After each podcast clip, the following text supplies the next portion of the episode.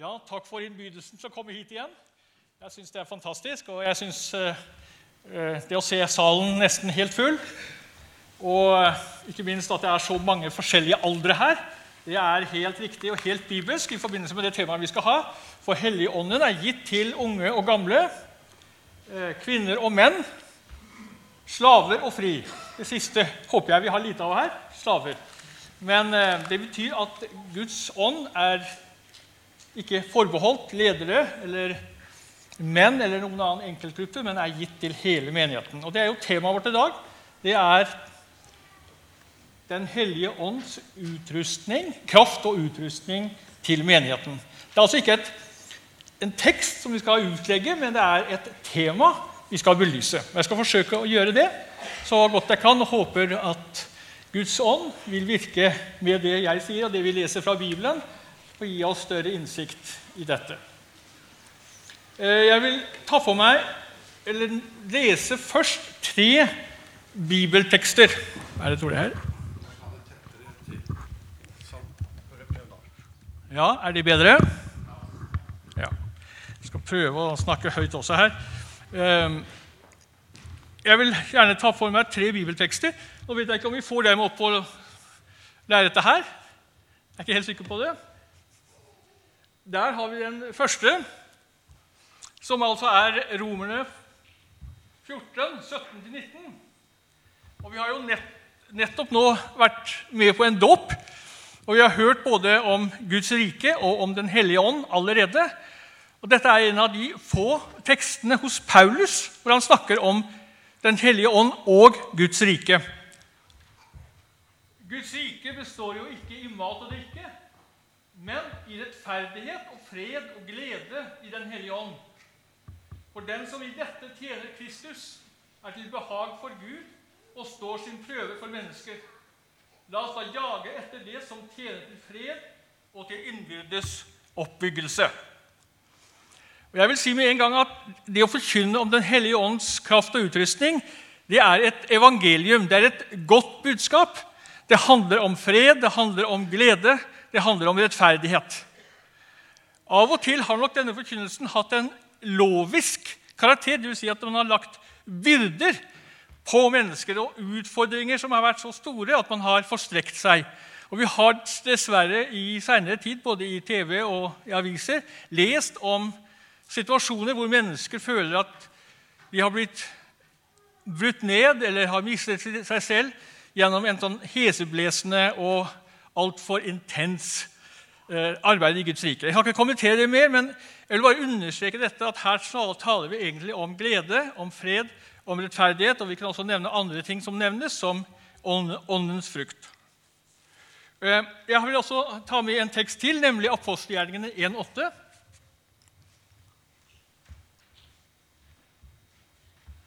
Og Der sier Jesus til disiplene.: Dere skal få kraft idet Den hellige ånd kommer over dere. Og dere skal være mine vitner både i Jerusalem og hele Judea og Samaria og like til jordens ende. Dette er jo en slags eh, misjonsbefaling.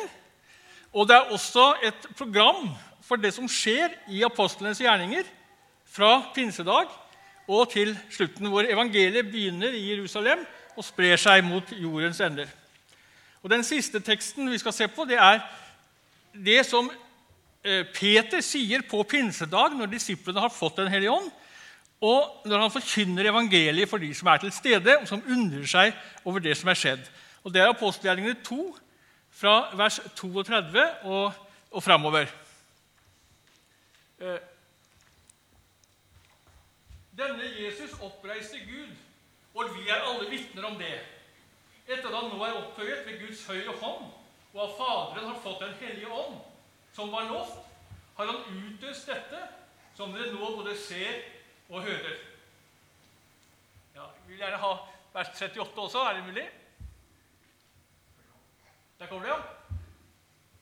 Eh, så skal da hele Israels folk vite for visst at Gud har gjort ham både til Herre og til, meg, til Messias, denne Jesus som dere korsfestet.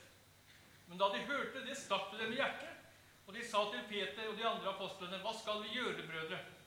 Peter sa til dem, Omvend dere og la dere alle døpe på Jesu Kristi navn til syndenes forlatelse.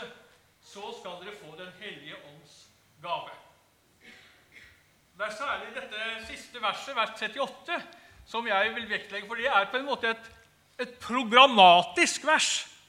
Det er på en måte den første misjonspreken, og, og Peter forteller hva de som hører evangeliet, eh, skal gjøre for å bli frelst. Og Det er egentlig et veldig enkelt budskap. Eh, omvend dere. Og i ordet omvendelse så ligger det også innebygget tro. Når Lukas skriver om omvendelse, så er troen innbefattet. Det er på en måte den andre siden av omvendelsen. Man omvender seg fra noe og til noe. Og det nye som han vender seg til, det er nettopp evangeliet om Jesus Kristus og hans frelse. Og så skal man da la seg døpe på Jesu, i Jesu navn. Og da får man syndenes forlatelse. Og det har vi hørt om eh, i dag, også tidligere. Men her er det så tydelig at syndenes forlatelse i dåpen er knyttet til troen, til omvendelsen. For det normale på den tid var jo voksendåp, hvor dette med omvendelse og tro kunne bli tydeliggjort gjennom en personlig bekjennelse. Så skal jeg gå inn på spørsmålet om barnedåp, men vi er veldig glad for ut fra Jesu ord om at Guds rike hører barna til, og inkluderer også barna i Guds rike gjennom dåpen. Og Så kommer da det løftet til slutt, som også er gitt til alle. Så skal dere få Den hellige ånds gave. Og Her er det altså ikke tale om Den hellige ånds gaver, de gaver som Ånden gir, men det er den gave som er Ånden selv.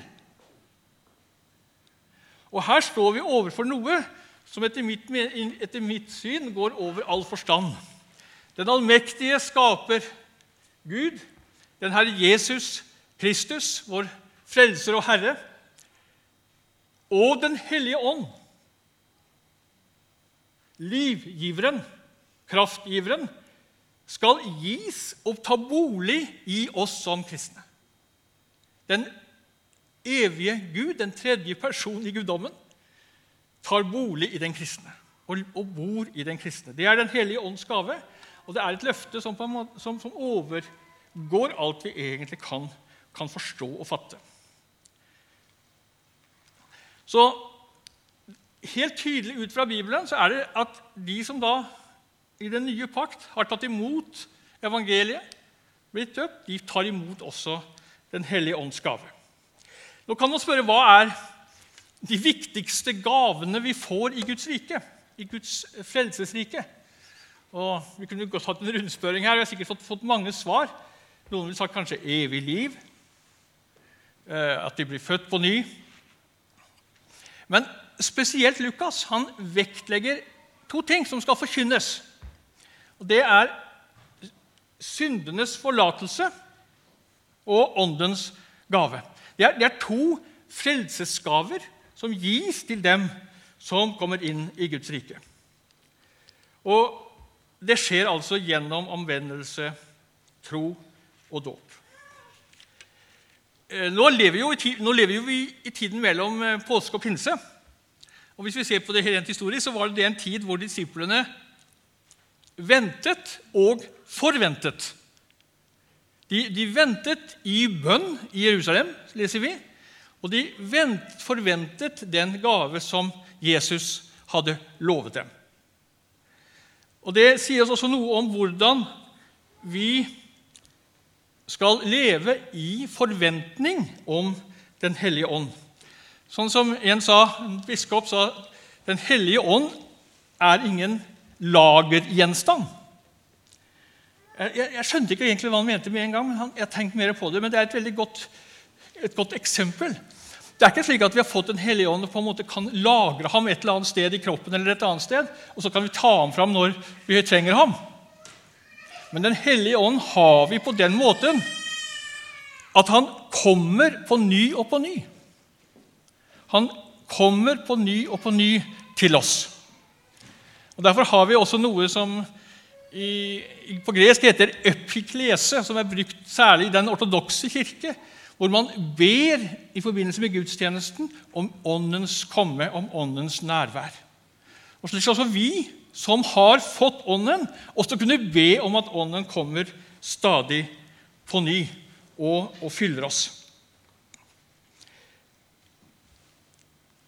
Når vi spør om hva da eh, Ånden gir oss, så er det første jeg vil peke på, er at Ånden herliggjør Jesus Kristus. Han forklarer oss hvem Jesus er. Han peker på Jesus. Han formidler troen på Jesus. Det er på en måte fundamentalt. Ingen kan komme til tro på Jesus uten gjennom Den hellige ånds virke. Og Jeg vil gjerne si det veldig eh, sterkt til å begynne med, selv om det ikke er vårt tema i dag. For vi skal fokusere mer på utrustning og kraft. Men så må vi også si noe om dette at Den hellige ånd er nettopp den som skaper det nye livet og gir oss frelsen ved troen på Jesus Kristus. Så det, det er, ligger der som en veldig viktig eh, grunnvoll for alt vi sier om Den hellige ånds virke. Men Den hellige ånd, som vi leste i første i, i første kapittel av, uh, av uh, apostlenes gjerninger, gir kraft til vitnesbyrd. Hvis vi leser ut gjennom det om apostlenes gjerninger, så ser vi at det er ett ord som går igjen. Og det er ordet frimodighet. Det er et gresk ord, paresia. og det, det betyr, kan bety frimodighet, men det kan også bety mot. Ofte på engelsk oversettes det med 'boldness'. Modighet. Modighet og frimodighet. Og Ikke minst så blir det tydelig der hvor disiplene står overfor forfølgelse eller forbud mot å forkynne evangeliet. Og Det leser vi om f.eks. i kapittel, eh, kapittel 4. Når de opplever det, så vender de seg til Gud i bønn. Og så fyller Gud dem med Den hellige ånd, og så får de frimodighet til å forkynne og til å stå imot i forfølgelsen. Og faktisk, Hvis vi ser på kapittel 4 vers 20, så er det liksom to sider ved dette. Hvor altså apostlene sier vi kan ikke la være å tale om det vi har hørt og sett. Altså, de, Hjertet var fylt av Kristus, av det de hadde opplevd, og de måtte formidle det. De var de var en indre trang, ikke en ytre tvang, som, som drev disiplene til å vitne. Og så sier de også vi må adlyde Gud mer enn mennesker. Så I tillegg til denne trangen så er det også en lydighetsdimensjon.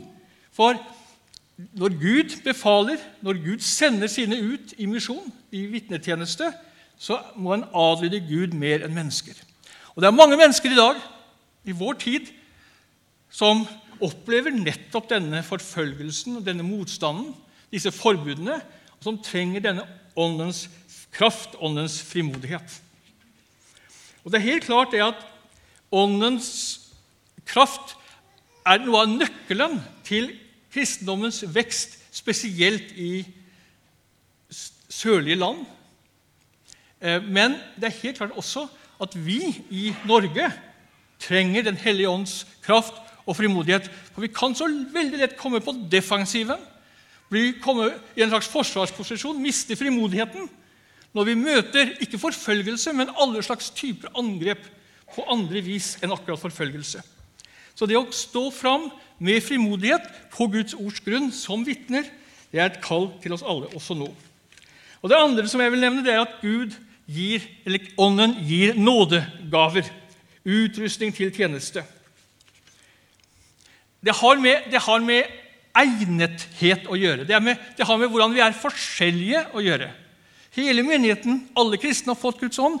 Men så er det altså en individuell nåde, en individuell nådegave som gis til hver enkelt kristne for at de skal tjene i Guds rike.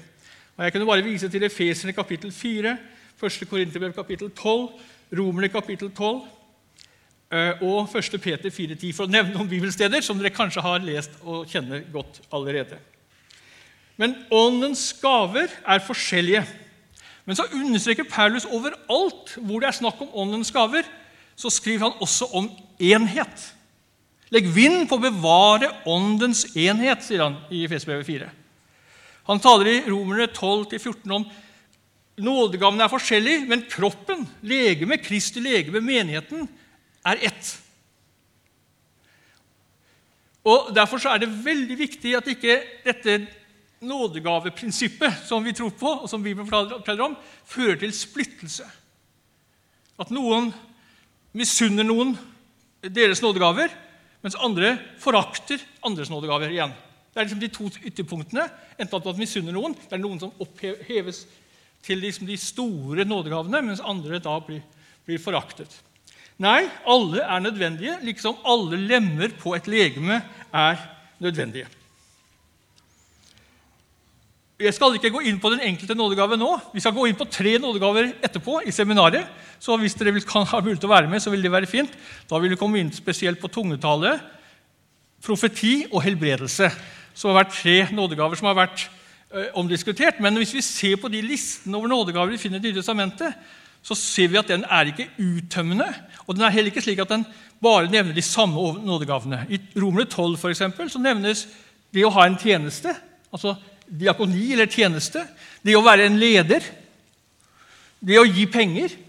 Altså Det er nådegaver som nevnes der.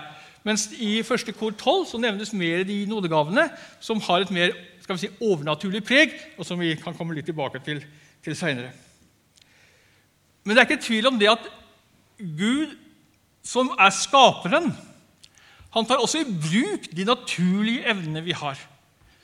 Noen har sagt at nådegaver er helligede naturevner. Det er kanskje litt enkelt sagt, men det har et poeng. At det er vel ofte et samsvar mellom vår naturlige utrustning og hvordan vi kan tjene i Guds rike. Jeg kom på et lite ordspill som jeg ikke har hørt at noen har hatt før. Jeg kom på det faktisk i dag morges. At det kan være en sammenheng mellom anliggende og anlegg. På den måten at det vi føler som et viktig anliggende i Guds menighet Vi må gjøre noe for barna. Vi må bringe evangeliet til de som ikke har hørt. Vi må ta, vise mer omsorg for de syke. Det kan være et anliggende vi har, og det kan da ofte korrespondere med et anlegg vi har for å gjøre nettopp det som er vårt anliggende. For dere skjønner det poenget der?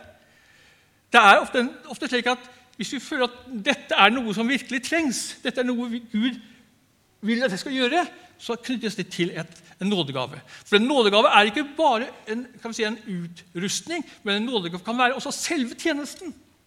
Jeg husker jeg besøkte en menighet i Malaysia, i Kuala Lumpur i Malaysia. og De hadde ikke lov til å ha kirke, men de hadde fått en etasje i en skyskraper hvor de hadde kirken, og det var høyt oppe i etasjene. Og alle som kom dit, måtte kjøre heis opp. Og da når jeg kom, kom i heisen, så spurte, snakket jeg snakk med heisføreren. Og han sier at 'min nådegave er å være heisfører'. Å bringe folk opp i kirken. Vel, Vi finner altså ikke akkurat den nådegaven omtalt i Bibelen. av gode grunner. Men jeg er helt sikker på at han, han tenkte rett. Denne tjenesten det er noe Gud har satt meg til. Den skal jeg gjøre med troskap. Den skal tjene og bygge opp menigheten. Så det var en nådegave. Og Slik kunne vi snakke om mange, mange, mange nådegaver. Også praktiske tjenester i vår, en, en, i vår egen sammenheng. Og så er det slik, og der kommer jeg bare litt tilbake til dette med enheten igjen, at Nådegavene de fungerer ikke bare rent individuelt, men de, de samarbeider. De fungerer sammen i menigheten. Slik at man tjener hverandre med den nådegaven som du har, skriver, skrives det i 1. Peter brev, 1. Peters brev. Om, det, om, den nådegaven er å forkynne, så skal du forkynne ifølge Guds ord og med frimodighet. Det kan være vitnesbyrd, det kan være mange former for forkynnelse, det kan være undervisning av søndagsskolebarn osv.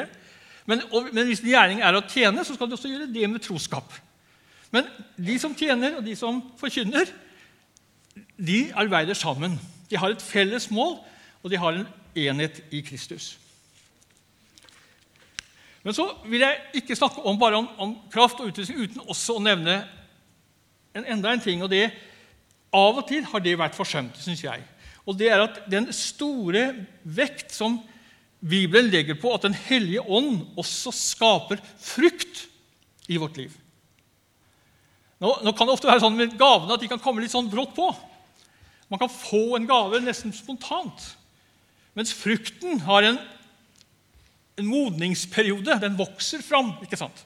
Tar tid. Men i Galaterbrevet kapittel 5, vers 22 så taler Paulus om åndens frukt. Og De tre første han nevner, det er kjærlighet, fred og glede. Og Vi skal nevnte i den teksten vi leste her, rettferdighet, fred og glede. Det er altså slik at kjærligheten er utøst i oss ved Den hellige ånd, som det står i Rombrevet 5. Det er faktisk en overnaturlig kjærlighet. En like overnaturlig som noen annen gave. Det er den kjærligheten som Gud gir, som Gud skaper. Og den kan komme på tvers av eh, fiendskap. Jesus snakket om å elske sine fiender. Vi har eksempler på mennesker som har vært i stand til å elske sine fiender og tilgi sine fiender. Det er, det er fantastiske fortellinger om mennesker som har, blitt, som har, mistet sine barn eller sin familie ved, ved terror eller ved, ved øh, forskjellige slags form for forfølgelse, og som faktisk har stått fram og tilgitt sine fiender. Det har skjedd i India, det har skjedd i Afghanistan. Og Det har gjort enormt inntrykk på de som møter denne denne holdningen. Jeg sier ikke nå at man skal glemme, at man skal videre tilgi. Det kan igjen bli en veldig byrde. Men Gud kan faktisk skape en kjærlighet som gjør at vi elsker dem som ikke i utgangspunktet oppleves som elskverdige. De som på en måte er verdige vår kjærlighet. For det er Guds kjærlighet. Guds agape. Den er en kjærlighet som ikke er begrunnet i vår verdighet, men som er begrunnet i Gud selv. For Gud er kjærlighet. Og den kjærligheten er det Han formidler til oss som vi også får lov til å elske. Så på sitt beste kan vi si når Den hellige ånd får rom i våre liv, så vil han også fylle oss med, med kjærlighet. Og så vil vi også oppleve fred og glede. Og det er altså en, en slags følelsesmessig dimensjon til åndens gjerning. For ånden, det er Gud i oss. Det er Gud i verden. Og Derfor er det en erfaring av Den hellige ånds gjerning. Ånden gir seg til kjenne, står det i 1. kor 12, slik at det blir til det gode. Han gir seg til kjenne. Han åpenbarer seg, han viser seg i menneskers liv. Og En måte han viser seg på, det er altså også ved å skape fred. Både mellom mennesker. Klart Den fundamentale freden det er freden med Gud. Men også fred mellom mennesker, og også en indre fred som vi kan trenge i vår oppkavede og hektiske liv tid. Dette å være fylt av Guds fred. Det kan av og til faktisk være et, et ord for frelsen. Ha, å ha fred med Gud. Det er et uttrykk vi bruker. Det innebærer å være frelst og ha fred med Gud. Og ord, Også ordet glede har en erfaringsdimensjon. Og den ligger på en måte under. Den kan faktisk eksistere samtidig med sorg. Det er ikke noen direkte motsetning mellom sorg og, og glede. Men gleden er også en gave, en frukt av Den hellige ånds gjerning i våre liv. Og vi, vi kan glede oss over gleden. Og Vi har nettopp nå hatt altså en dåp, og jeg er helt sikker på både de som var med i dåpen, men også oss alle sammen. Vi gledet oss over det som skjedde. Vi gleder oss over mennesker som kommer til tro, mennesker som innlemmes i Guds rike. Og vi gleder oss over det vi har i Jesus Kristus. Så vi som kristne vi bør være et glad folk. Ikke sånn gladkristendom av en overfladisk type. Det er ikke det jeg snakker om. Som ikke kan snakke sant om livet, for det må vi gjøre. Også de negative tingene må vi snakke sant om. Men vi er allikevel et, et, et, folk som kan glede seg. Og I gamle dager så hadde vi et annet ord. Jeg skal lære dere yngre her nå en del sånne gammeldagse ord. Og det var frelsesfryd. Har dere hørt, det, hørt det ordet før? Frelsesfryd. Det snakket man om i vekkelser i gamle dager. At mennesker som ble omvendt og kom til tro, og fikk tro seg frelst, de fikk en frelsesfryd som på en måte flømmet over og spredte det til andre mennesker. Så når man snakker liksom i kritiske ordelag om mørke menn og den mørke kyststripen og kristendom som på en måte er noe mørkt og trist, det er ikke sant. Når, når Den hellige ånd kommer, så skaper han fred og glede. Så ikke vær redd for å være glad. Og Jeg syns jo det er veldig fint, jeg begynner, selv om jeg er gammel, at det er frisk musikk her oppe fra, med ungdommelig sang og entusiasme. og til og med at man kan bevege på armer og bein.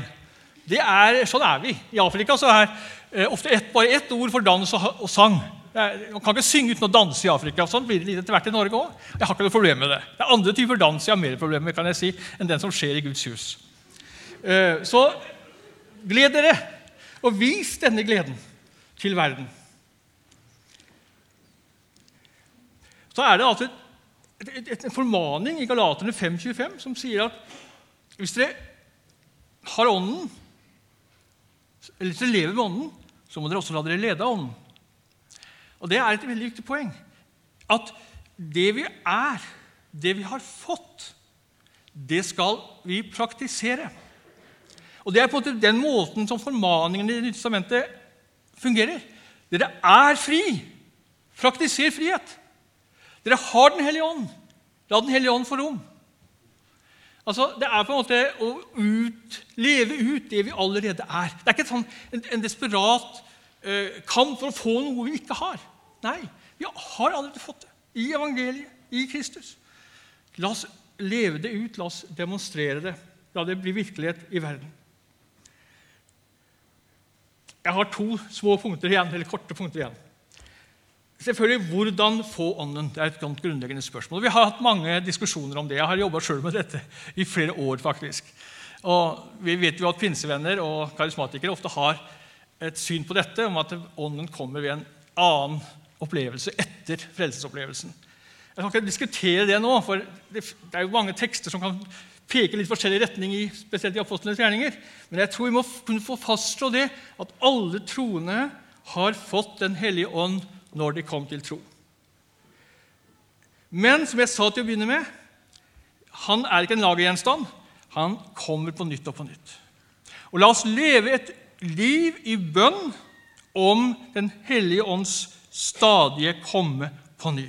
Både som menighet, som forsamling, og som enkeltmennesker. Og kanskje også i forbønn for hverandre.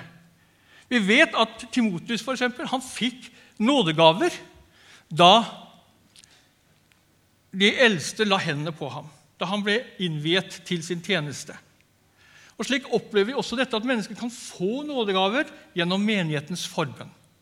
Derfor ber vi for mange ved håndspålegg, f.eks. For, for konfirmanter, for, ved ordinasjon av prester, ved inngåelse av ekteskap, ved innvielse av misjonærer. Jeg ble innvidd til misjonær i Misjonssambandet bedehus i Fredrikstad for mange mange år siden. Det opplevde jeg som en ordinasjon og som også en meddelelse av Guds gaver. Så vi kan ta imot på nytt og på nytt det som vi på en måte allerede har fra før. Så forventning og bønn så, Og Paulus er ikke redd for å si 'søk nådegavene'. Søk dem. Be om dem. Lengt etter dem. Og særlig hvis det er noe du føler at du gjerne vil gjøre, at du blir utrustet til den tjenesten. Og så helt siste punktet. Det er slik i Guds rike at Gud bruker midler. Altså Den hellige ånd bruker midler. Vi vet at det er noe som heter nådemidler. Nattvær, dåp. Der, der, der, bruker Gud der, disse midlene til å skape eller styrke vår tro. Men det fundamentale middelet for Guds ånd er Guds ord. Åndens sverd, som er Guds ord. Og Guds ord finner vi først og fremst i Bibelen, eller i forkynnelse som bygger på Bibelen, og som er i overensstemmelse med Bibelen. Og Det er gjennom nettopp å la seg utsette for Guds ord, lese det, grunne på det, ta det til seg, at Ånden får virke i våre liv. Jeg skrev en bok for lenge lenge siden som het 'Ånden i ordet'. Og I det lå det en, en dobbelthet. nemlig det ene At jeg ville skrive om det som Bibelen sa om Den hellige ånd. Men også dette at jeg ville få fram at Ånden virker i og gjennom Ordet. Så forsøm ikke å lese Bibelen. Forsøm ikke å høre forkynnelse. Kanskje også lese oppbyggelig litteratur. Og Gjennom dette vil Ånden arbeide i våre liv. Vel, det var noen tanker om åndens kraft til utrustning. Kraft og utrustning av menigheten. Så Jeg håper at vi kan ta til oss noe av dette og bære det med oss etter denne formiddagsgudstjenesten. Og la meg si igjen at jeg syns det er fantastisk at det er en så sammensatt forsamling. Det er en utfordring i vår tid til Kirken i Norge. At ikke de gamle på en måte ja, Det skjer veldig mange steder at de, de gamle foreningene dør ut. Ja, det gjør det. Og Kanskje av og til så må det skje på den måten. Men så kan det også skje at forsamlinger fornyes, og at det kommer nye mennesker til. Og at man skaper nye menigheter og nye forsamlinger.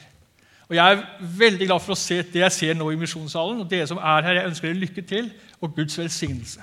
Så håper jeg at mange av dere vil komme og høre litt på meg også på seminaret i ettermiddag. Skal vi be.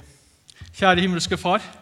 Vi takker deg for at du har sendt Jesus, som har sendt Den hellige ånd inn i menighetens liv og i våre liv. Og Herre, Vi ber om at vi på ny må åpne oss for Din hellige ånd og Åndens virke. Og la oss som lever i Ånden, også være ledet av Ånden og følge Åndens kall. Utrust oss hver og en til den tjenesten som du vil at vi skal ha. Og hjelp oss å tjene med troskap i ditt rike. Amen.